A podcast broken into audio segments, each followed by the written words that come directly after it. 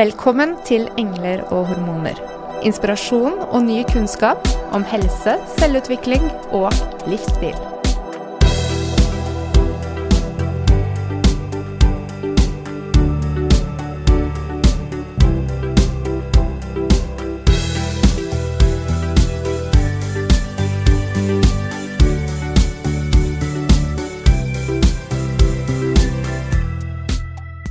Yoga omtales gjerne som verdens eldste vitenskap om livet, og selve ordet yoga kommer fra sanskrit og betyr å forene.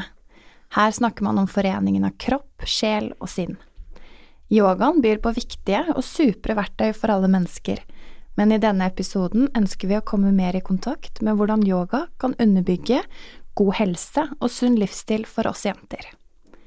For i løpet av en kvinnes liv er det gjentagende sykliske endringer men også permanente endringer i rollene man trer inn i.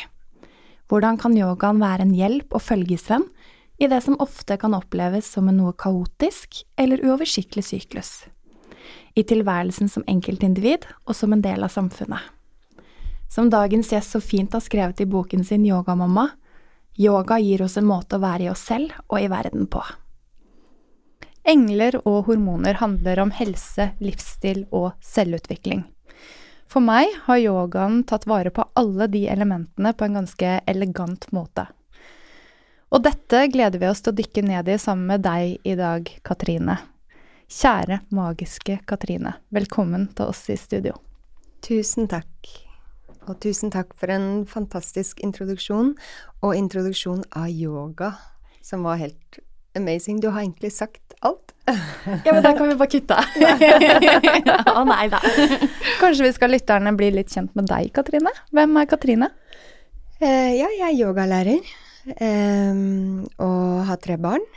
Uh, bor og jobber i Oslo med å både utforske selv og formidle dette du var inne på, Ingvild. Nytten gleden og verdien av yoga for kvinner gjennom alle livets faser.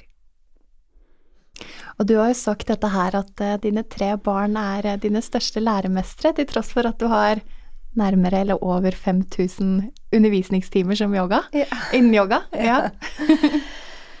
ja, det er Det blir bare sannere og sannere for meg. Og og så har jeg funnet ut at det er sånn at det barnet som volder mest eller størst bekymring, eh, er det barnet som er den viktigste og største læreren, som virkelig eh, lærer oss så mye om oss selv, og, og på en måte tvinger oss til å utforske nye veier og se verden i nytt lys.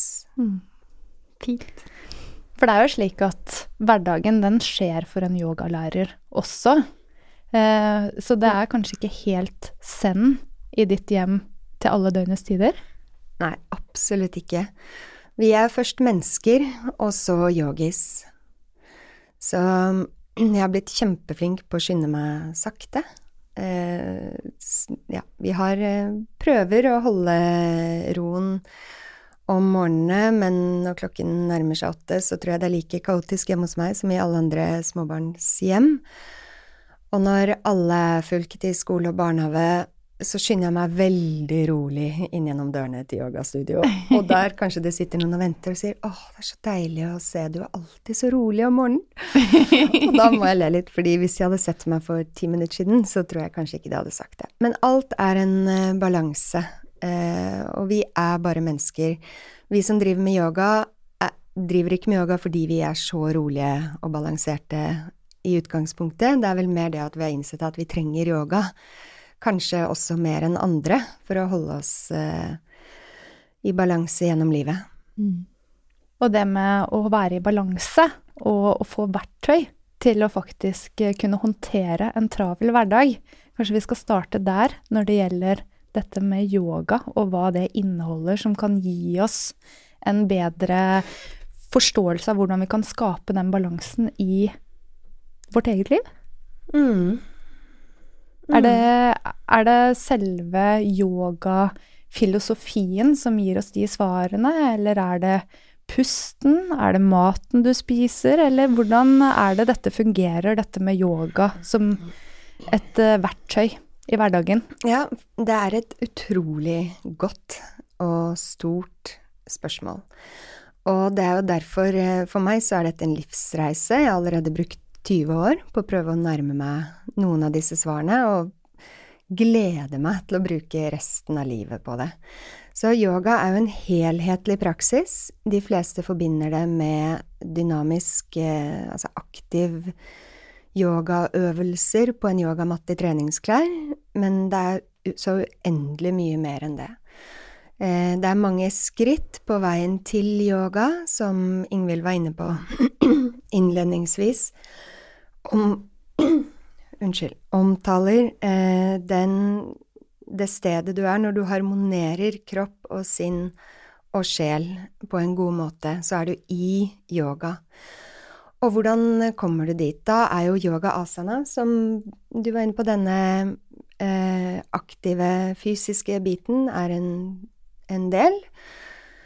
Eh, meditasjon er en del. Pust er veldig viktig. Og hvordan du lever livet ditt hver dag, minutt for minutt, minutt med deg selv og de rundt deg, det er kanskje det aller viktigste. Og det er også derfor eh, yogapraksisen begynner her, med det som er formulert som yama og niyama i en eh, gammel yogatekst som fra rundt år 200, eh, som er en samling eh, korte læresetninger samlet av Patanjali, en eh, yogamaster. Så, og i eh, denne teksten så omtales yama og niyama som de to første skrittene på veien til yoga, og det er kan ses på som etiske prinsipper eller leveregler som regulerer forholdet vårt til oss selv og til våre medmennesker. Så det er ikke så mange som er klar over det, men i hvert øyeblikk eh, man er i verden, så har man en mulighet til å være mer eller mindre i yoga. Og de mer sånn konkrete tingene, som pusteøvelser, fysiske øvelser, meditasjonsteknikker og sånn, hjelper oss på den veien. Mm. Det er en måte å være og leve på. Mm. Absolutt. Så disse asana eh, asanaene, unnskyld, som du nevner først, det, det, er jo ofte det man ser på utenfra som akrobatikk. Mm. Eh, og det ser jo veldig avansert ut å skulle bli god i yoga. Mm. Eh, er det slik at uh, den terskelen for å komme inn i yogastudioet kan være stor for mange? At uh, de kanskje ser på dette som noe som ikke passer for deres kropp? Mm. Er, det, er, det, sånn at yoga faktisk er for alle? Ja, det er det. Det fins Det er helt uendelig hvor mye man kan eh, modifisere og justere og tilpasse den fysiske biten av yoga for å passe alle mennesker fra nyfødte til og med før de er født, in utro, i mors liv. Eh, og til eh, Jeg leste en vakker artikkel om Leonard Cohn som, lå, som, døde for et par år siden og lå og chantet seg inn i døden. Mm. Det følger hele livsløpet og kan understøtte alle mennesker der hvor de er, eh, gjennom en frisk og aktiv eh, hverdag, og også gjennom mer spesielle, sårbare, utfordrende perioder i livet. Sykdom, alderdom, sorg, avhengighet Ja. Rehabilitering. Mm. Og der er jo yogaen et kraftfullt verktøy som vi erfarer i vår praksis. For vi mm. jobber på andre siden, vi bruker hendene våre. Mm. Eh, mens du bruker stemmen din og instruksjoner til å guide egentlig hver enkelt igjennom en type behandling mm. i hver eh, yogatime, og det er vi fascinert over. Ja, veldig.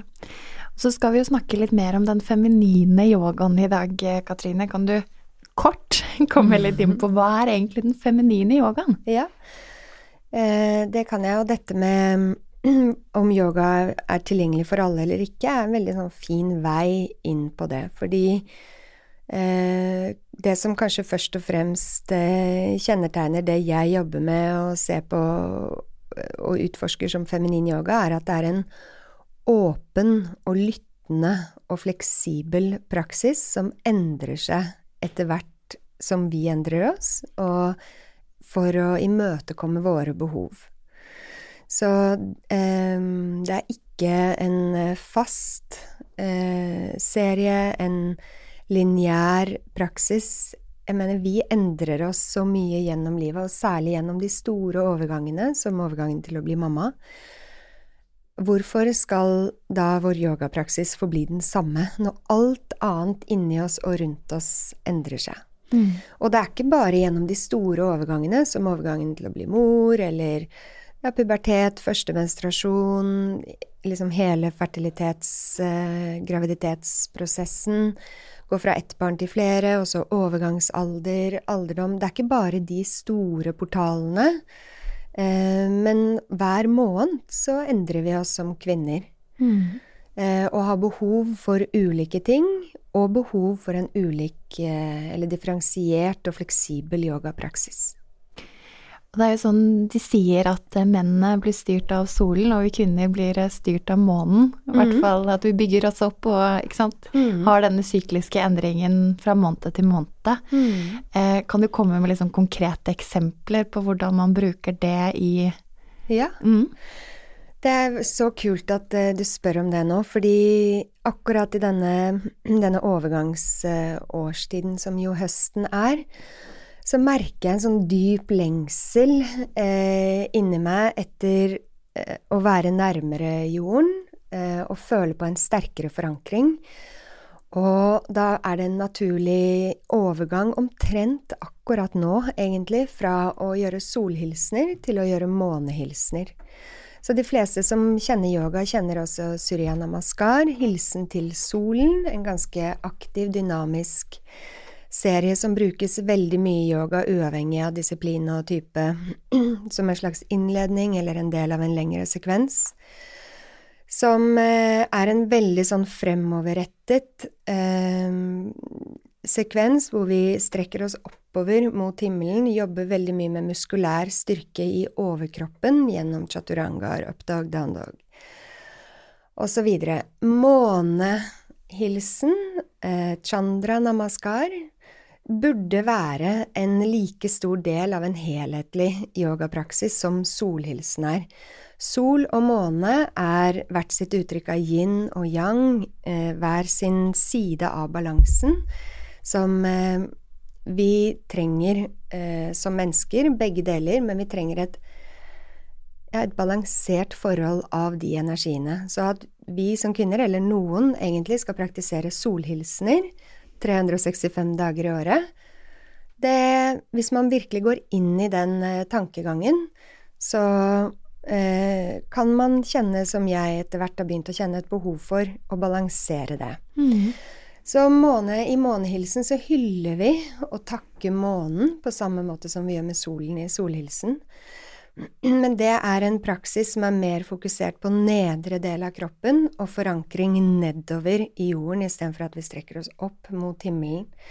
Det er en mer sirkulær og åpen eh, sekvens, og fra at vi står i solhilsen på kortsiden av matten og jobber fremover, så står vi i månehilsen på langsiden av eh, matten i en åpen eh, benstilling og jobber sirkulært, så vi jobber ovenfra ned mot jorden, den ene siden, over på andre siden, og nedenfra opp som en klokke. Mm. Jobber vi gjennom månehilsen. Og jeg fikk faktisk spørsmål om det etter eh, timen min på high-yoga i går. Du, når er det du begynner med disse månehilsene? Er det ikke omtrent eh, nå? Jo, det er faktisk Jeg begynte med det i min egen praksis i går. Ja. Så nå kommer det mer og mer. Og i dag er det jo fullmåne. Ja, nettopp. Mm. så eh, jeg har et sånt eh, bilde på alteret mitt eh, hjemme hvor det står The sun sees your body and the moon sees your soul. Så for at vi skal føle oss og bære oss gjennom verden som hele mennesker, så må vi anerkjenne at vi er flere deler enn kroppen vår, og at vi trenger å balansere disse energiene gjennom ikke bare vår yogapraksis, men alt vi gjør i livet. Men det er jo det som er så fantastisk med yoga, at det vi gjør på matten, både speiler livet vårt og blir en metafor. På det som skjer ellers i livet. Vi kommer på matten for å øve oss litt, eh, ikke for å bli flinke i yoga, men for å bli flinke til å leve, og ta med oss det vi lærer på yogamatten av matten og inn i livet. Så det er ikke sånn at vi kommer og gjør yoga, men jeg er veldig opptatt av eh, selv den overgangen, og også inspirere mine elever til å tenke på hva skal til for at jeg ikke bare skal komme og gjøre yoga som en av to eller fire eller syv eller tolv aktiviteter jeg gjør den dagen, Mm. men være i yoga. Fint. Og i klassen din, eh, som jeg var så heldig å være med på i går, Katrine, eh, så legger du også alltid inn noen små utfordringer. Eh, små vinkler i bevegelser av ledd som man kanskje ikke har tenkt på før, men som du gir oss i oppgave å jobbe inn mot. Og der kan det være mye motstand. Den motstanden som man jobber igjennom på matten, har den også en betydning for hvordan du takler livet? Det spørsmålet tror jeg du vet svaret på. jeg tror jo det. Ja. Jeg tror jo at, eh, Og det er jo det som er så herlig med en yogapraksis, at man, det er virkelig en eh, vei man kan bli, gå for å bli kjent med seg selv. Eh, en slags sakte oppvåkning når jeg sier som jeg ofte gjør i mine klasser, lukk øynene, vend blikket innover, begynn å utforske ditt eget indre landskap, se om du kan droppe litt ned i hjertet ditt, lytte til hjertets stemme, osv. For det tar veldig lang tid før man klarer å gjøre det, før man klarer å skru av den endeløse, grådige tankestrømmen som bare bombarderer oss hele tiden, og synke litt ned i kroppens eh, visdom og ro. Det krever trening, det krever tålmodighet, eh, og det krever at man møter ikke meg, men seg selv på matten eh, gang på gang over lengre tid. Og lærer å se sammenhengen med at jeg overhodet ikke klarer å stå i en balansestilling eh, som ikke er fysisk utfordrende, utover at den krever at vi har nettopp en følelse av balanse. Klare å relatere det til, eh, til hva som skjer i livet ellers. Mm. Så selv om jeg kanskje visste litt av svaret, Katrine, så tror jeg ikke ennå at jeg har skjønt alt. Nei. Fordi når man går på matta, så er det akkurat som om man kommer dypere og dypere Mm. på ulike områder hver eneste gang. Og er det slik at den utviklingen stopper noen gang? Er det, er det der Buddha sitter i sin serenity, sånn som vi ser du har med deg inn i eh, yogarommet? Er det, er det dit vi skal? Eh, Kommer vi dit? Vi Jeg tror det er veldig individuelt hva som er målet med en yogapraksis, men ja, på denne veien mot yoga så er det skritt for skritt mot et, en tilstedeværelse eller et, eh, en sinnstilstand eller en opplevelse, en åndelig opplevelse av å være i ett med seg selv og verden. Og å være fredelig til stede hos seg selv og som en naturlig del av noe større. Enten eh, man omtaler det som nirvana eller ananda eller samadhi eller Det er, det er mange, mange måter å, å omtale det på. Men vi er ganske langt unna i vårt moderne samfunn å komme i enden av den reisen. Men det som er så unikt og fantastisk med yoga, er at veien er målet. Mm. Så hvert skritt du går, det er et sånn Det er sånn gradvis så nærmer du deg en oppvåkning, en bevisstgjøring, en følelse av å ikke bli noen andre eller noe annet, eller å fylle et annet type rom, men å komme litt hjem til seg selv. Vi skal ingen andre steder. Vi skal tilbake til den utømmelige kilden av fred og ro og kjærlighet og sannhet som bor i oss alle. og yoga er eh, et verktøy som hjelper oss på den reisen. Så hvis vi da skal komme inn på dette her med den kvinnelige kraften og fellesskapet, Katrine Mm. Det er vel det som er eh, så fint også med denne feminine yogaen og disse gruppene som du har, hvor du virkelig kjenner denne, denne um, Hva skal jeg si Det fellesskapet. Mm. Begge deler. Så um, feminin yoga er en plattform som jeg har etablert med min gode venn og kollega og felles yogini, Marte Magerøy. Eh, og vi, det har vært en utrolig organisk eh, prosess hvor vi har nærmet oss hverandre gjennom vår yogapraksis eh, og funnet ut at den felles praksisen vi deler, resonnerer veldig med kvinner rundt oss. Så det er ikke noe demonstrasjon mot noe annet. Det er ikke et forsøk på å på en måte hijacke kvinner og bare synke ned i jorden og hylle månen. Jeg vil virkelig understreke at vi trenger begge deler i livet og i oss selv, men at vi, vår del av verden i dagens samfunn, eh, er mye mer eksponert for mannlig eh, yang, aktivitet, lys osv. Den type energi. Så vi er flere som har kjent på at vi trenger en arena og noen verktøy for å balansere det, og da er feminin yoga eh, et, eh, noe som har vokst frem organisk, og som jeg fortsatt er spent på å se hvor hvor går, hvilken vei. Men der, der er vi også kvinner som samles i en nettopp åpen, lyttende, myk, fleksibel, nærende praksis. Hvor dette at vi bare er kvinner eh, Vi, Marte og jeg, har en feminin yoga-retreat et par ganger i året. Eh, og hadde en nydelig sirkel på slutten av eh, forrige retreat, hvor en sjekket ut eh, av den helgen og sa Åh, det er så deilig å ha fått lov å være dame i fred. Mm. Eh, og vi loffer rundt i yogaklær, og det er noe som ganske sånn kraftfullt som skjer når 40 kvinner i ulik alder og med forskjellig bakgrunn møtes i yoga og får lov å være seg selv uten å pynte seg for hverandre i tre dager. Det er også veldig gøy å pynte seg og ta på seg hæler og gå på byen, Mm. og det er også kjempegøy.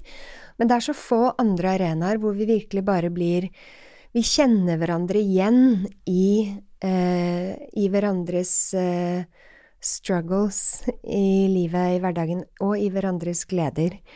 Eh, og tør å åpne oss opp for hverandre på en, en veldig fin måte.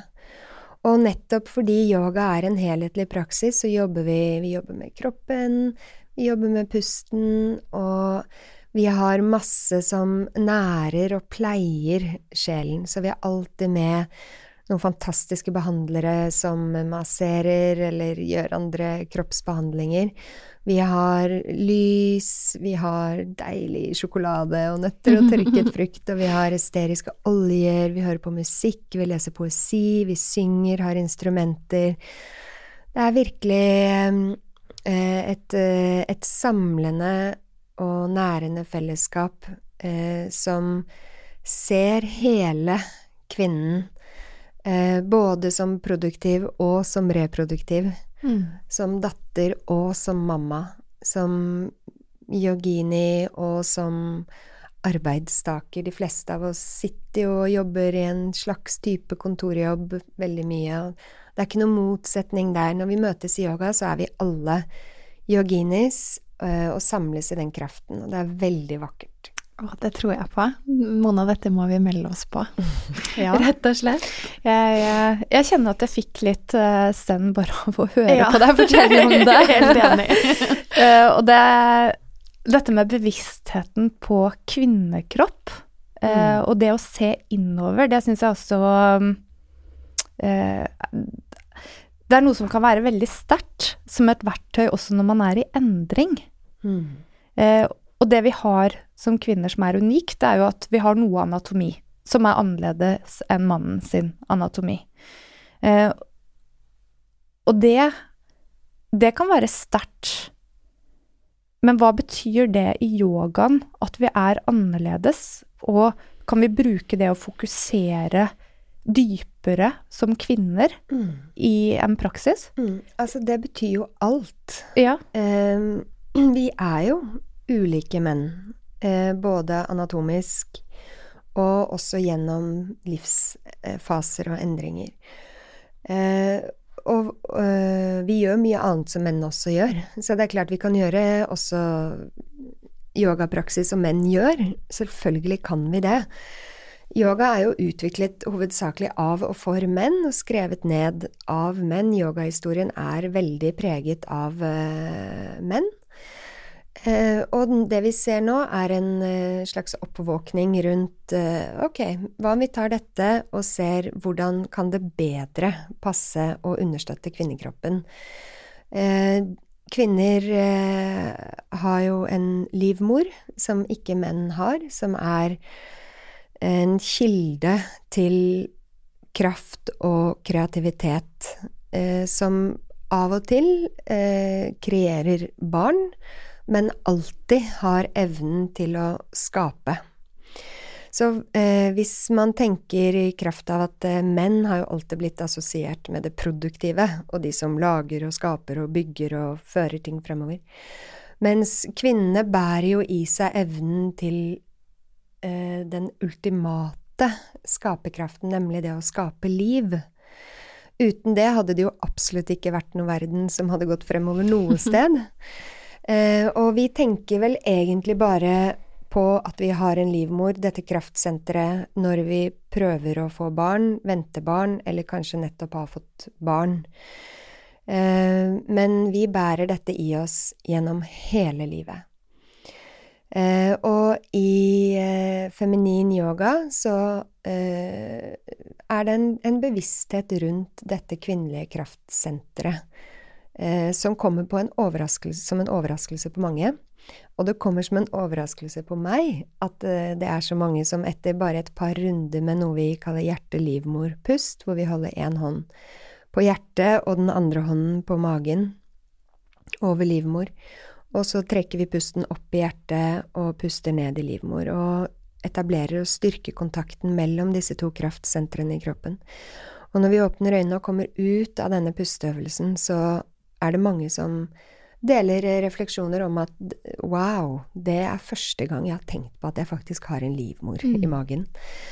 Uh, og det, det, er en sånn type oppvåkning. Så er det sådd et lite frø. Ok, det har jeg. Det har ikke mannen min eller broren min eller mine mannlige kolleger. Ok, hva, hva betyr det? Hva gjør den? Ok, syklus, menstruasjon Så plutselig begynner man å følge disse sirklene innover i seg selv, og utforske egen femininitet, egne sykluser, egen natur. For det er jo dette er, det er jo det dette er. Altså, det er vår kvinnelige natur. Mm. Og som også er ganske aktuelt. Ja. Mm. Mm. Um, når det kommer til dette her med likestillingen i samfunnet, da, Katrine. Hvordan er det det hvordan skal jeg formulere det? Hvordan er det det kommer til syne gjennom graviditet og tanker eh, rundt fødsel og tiden etter fødsel hos dine, dine mm, yoginis i, i yogarommet? Eh, ja. Det er også et så stort og viktig spørsmål. Og vi har jo kommet langt i likestillingen i vår del av verden. Det vil si at eh, kvinner eh, deltar på veldig mange tidligere mannsdominerte arenaer og på samme nivå, eller likt nivå. Eh, men hva skjer da når kvinner gjør den ene tingen som bare kvinner kan mm. gjøre? Nettopp bli gravide, føde barn og nærer barn, eh, kanskje særlig mor gjennom det første året. Eh, da er det veldig mange kvinner som blir litt eh, fortvilet og forvirra, fordi de er usikre på hvordan de skal ta den plassen som kvinne. Eh, og da er dette med med en lyttende og åpen praksis veldig, veldig viktig, og ikke minst dette med et kvinnefellesskap, og at vi føler at dette er noe vi deler med andre kvinner, og her kan virkelig kvinner gjøre en jobb i å støtte hverandre, se hverandre, møte hverandre. Det er derfor jeg ofte sier i både gravidyoga og mamma-baby-yoga ikke namaste, som er den universelle hilsen eh, i ærbødighet og respekt, eh, opprinnelig fra sanskrit, eh, India. Men eh, mamaste, Mamaste. som er mer en anerkjennelse 'jeg ser deg, jeg ser din kamp', jeg ser ditt lys som skinner gjennom våkenetter og ammetåke. Mm. Kjærligheten og omsorgen, men også fortvilelsen og usikkerheten. Du er ikke alene. Og det er så viktig for mammaer, for kvinner, som særlig kanskje førstegangsfødende, som er snakker om indre landskap. Her er de jo Altså, her er det jo inne i et helt ukjent terreng. Et mye mer kupert landskap enn jeg tror vi visste vi hadde i oss. Eh, og den reisen kan føles ensom og tøff. Og da å vite og se disse blikkene fra kvinnene, de andre mødrene rundt deg, jeg ser hva du gjør, og du er en fantastisk mamma for barnet ditt. Mhm. Jeg var i en samtale um, bare for noen helger siden, um, hvor det var en som fortalte om at da hun skulle føde sitt barn, og det er vel kanskje 20 år siden eller noe sånt, eh, at hun var på et alternativ fødselskurs. Og da fikk hun det um, tipset om å tenke tenk på alle de andre kvinnene som også ligger der og føder. Mm. Kjenn, kjenn litt på det. Ja, for et fantastisk tips. Mm. Kanskje Man jeg går- låner det. Ja, det er det bare å låne. For man går jo gjerne veldig inn i denne boblen, ikke sant. Og det å bare vite at eh, dette her er tross alt noe veldig mange kvinner går igjennom hele tiden. Altså, denne prosessen, fordi den er en del av naturen, eh, selv om man kan gjøre mye med den i mange ledd eh, i en medisinsk eh, kontekst i vår del av verden, så er jo prosessen hovedsakelig den samme som den alltid har vært, og den er veldig demokratisk.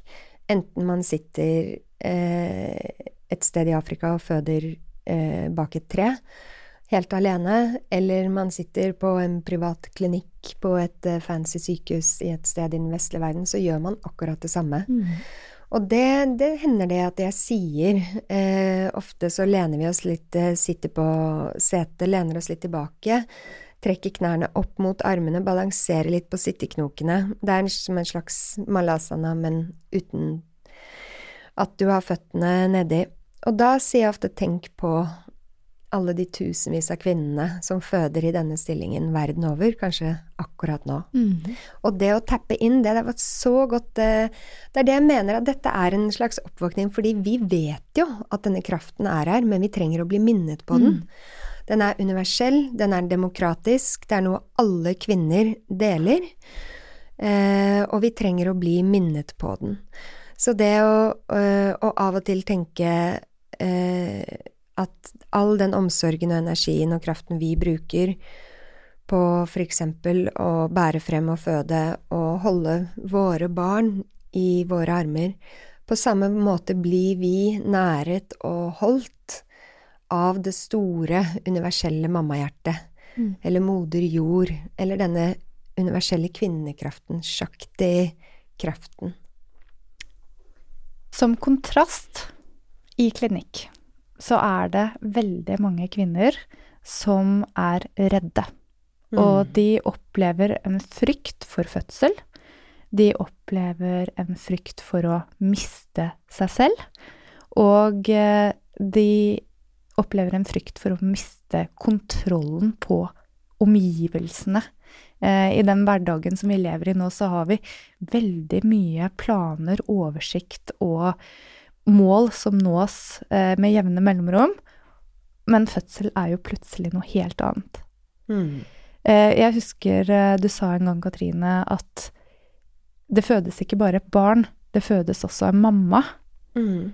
Og jeg tror jeg tror at det som du snakker om her, det er noe som veldig mange har godt av å høre. Fordi Mm. at den frykten som mange sitter og kjenner på i det å ikke ha kontakt med seg selv, Mm. den enorme kraften, Mm. den finnes jo et sted der inne. Mm. Og eh, det med da fødsel og den kraften man har i seg selv, Mm. hvordan eh, ser man det fra et yogisk perspektiv? For det første så eh, var det ikke jeg som sa det med at en mamma også fødes. Det er et gammelt indisk ordtak som jeg ofte sier, for igjen, det er noe med det å minne, minne på dette. Og det er mye snakk om fødselen, mange gruer seg til fødselen. Det er en stor, heftig greie eh, som man skal gjennom. Så det er, det er veldig naturlig å tenke på den fysiske prosessen som er en fødsel. Men den eh, mer langsomme, subtile fødselen av en mamma, og overgangen fra å være datter til å bli mamma, den er ikke så mye snakket om eller hyllet eh, i, i vårt samfunn. Og det tror jeg er veldig viktig å, å gi eh, kvinner støtte i at denne prosessen kan ta tid. Det, I denne prosessen kan du kjenne på store, kanskje skumle følelser av eh, sorg over den personen du vinker farvel til, og den delen av livet. Eh, kanskje usikkerhet i forhold til den personen du føler du må bli eller være. Klarer jeg å bære dette ansvaret for dette andre mennesket, dette barnet? Eh, kanskje ting fra egen barndom kommer opp, relasjon til egen mor, egne foreldre. Eh, skuffelser og svik. Alt vi bærer med oss, alt må, må vi gå igjennom for å redefinere oss selv på et trygt sted. I et yogisk perspektiv så jobber vi veldig mye med aksept.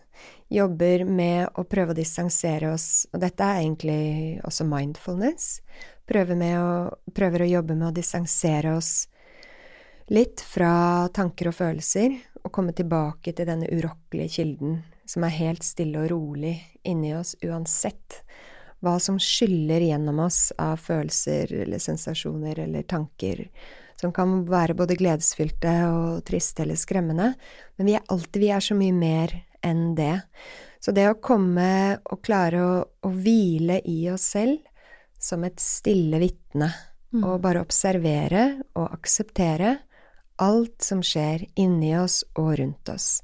Og gjennom, når en kvinne går gjennom graviditet, fødsel og det første året, kanskje mye lenger også inn i mammalivet, så er det veldig mange store følelser. Veldig mye som skjer. Så da kan yoga være ekstra verdifullt og gi et rom for ro, hvile, refleksjon, trygghet, hvor man jobber med nettopp med dette med aksept, og også jobber med takknemlighet. Eh, og alt dette tangerer på det jeg var inne på tidligere med yama og niyamas. Det er for eksempel et eh, prinsipp som heter santosha, som handler om eller contentment, tilfredshet. Og det er jeg oversatt eh, i et arbeid jeg gjorde med yama og niyama for familielivet, så det skal make sense for hele familien, også barna mine, som vi har alt vi trenger inni oss for å ha det bra. Og for å føde, kanskje? Har vi også alt det vi trenger i oss, faktisk? Ja. Vi har jo det. Kvinnekroppen er jo utstyrt på en helt utrolig måte. Vi er jo skapt for å føde de barna vi får.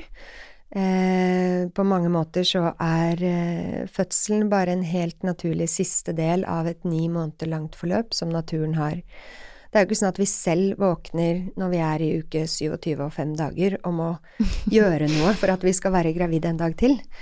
Det skjer jo av seg selv, og fødselen er en naturlig siste del av et ny, eller et fullgodt svangerskap, eh, som kroppen eh, egentlig gjør best selv. Og da er det kjempelurt med noen yogiske teknikker for pust og avspenning. Vi prøver å koble av tankene litt, så et overaktivt sinn kommer faktisk i veien for en fødsel. Det handler egentlig bare om tillit og trygghet og ro, og koble seg på den naturlige prosessen som skjer. Lene seg tilbake metaforisk, ikke fysisk, eh, og bare henge på så godt man kan.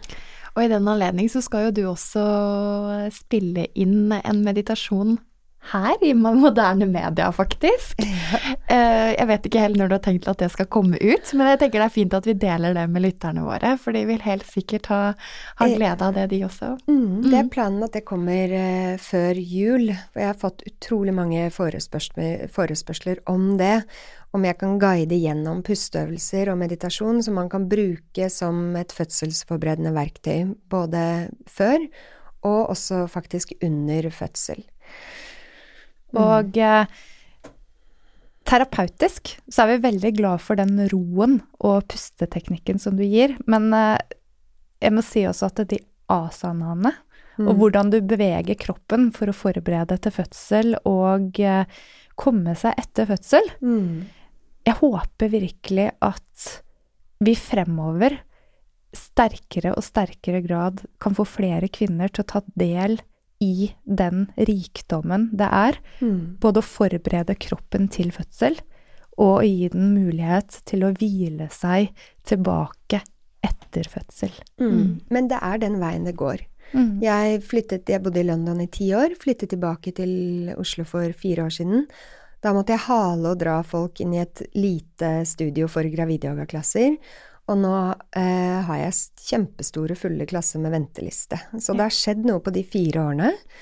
Eh, og det er mer og mer anerkjent også i helsevesenet, hos jordmødre og videre som jobber med gravide og fødsler, at yoga er bare et helt fantastisk eh, helhetlig verktøy for eh, kvinner i denne fasen.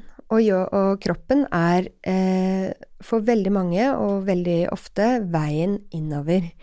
Så kropp og sinn påvirker hverandre i en evig runddans. Eh, så vi kan få tilgang til sinnet ved å jobbe gjennom kroppen, og det er mye mer tilgjengelig for de fleste enn å bare sette seg rett ned og skulle begynne å prøve å styre tankene. mm. Så selv om man kan si at de mest avanserte yogiene sitter helt stille i fred, litt som en buddha du var inne på tidligere, så skal man heller ikke kimse av det, den jobben som folk gjør med seg selv fysisk. Eh, og så er det den evige higen etter anerkjennelse for dette arbeidet som er litt underlig, men det tror jeg man opp...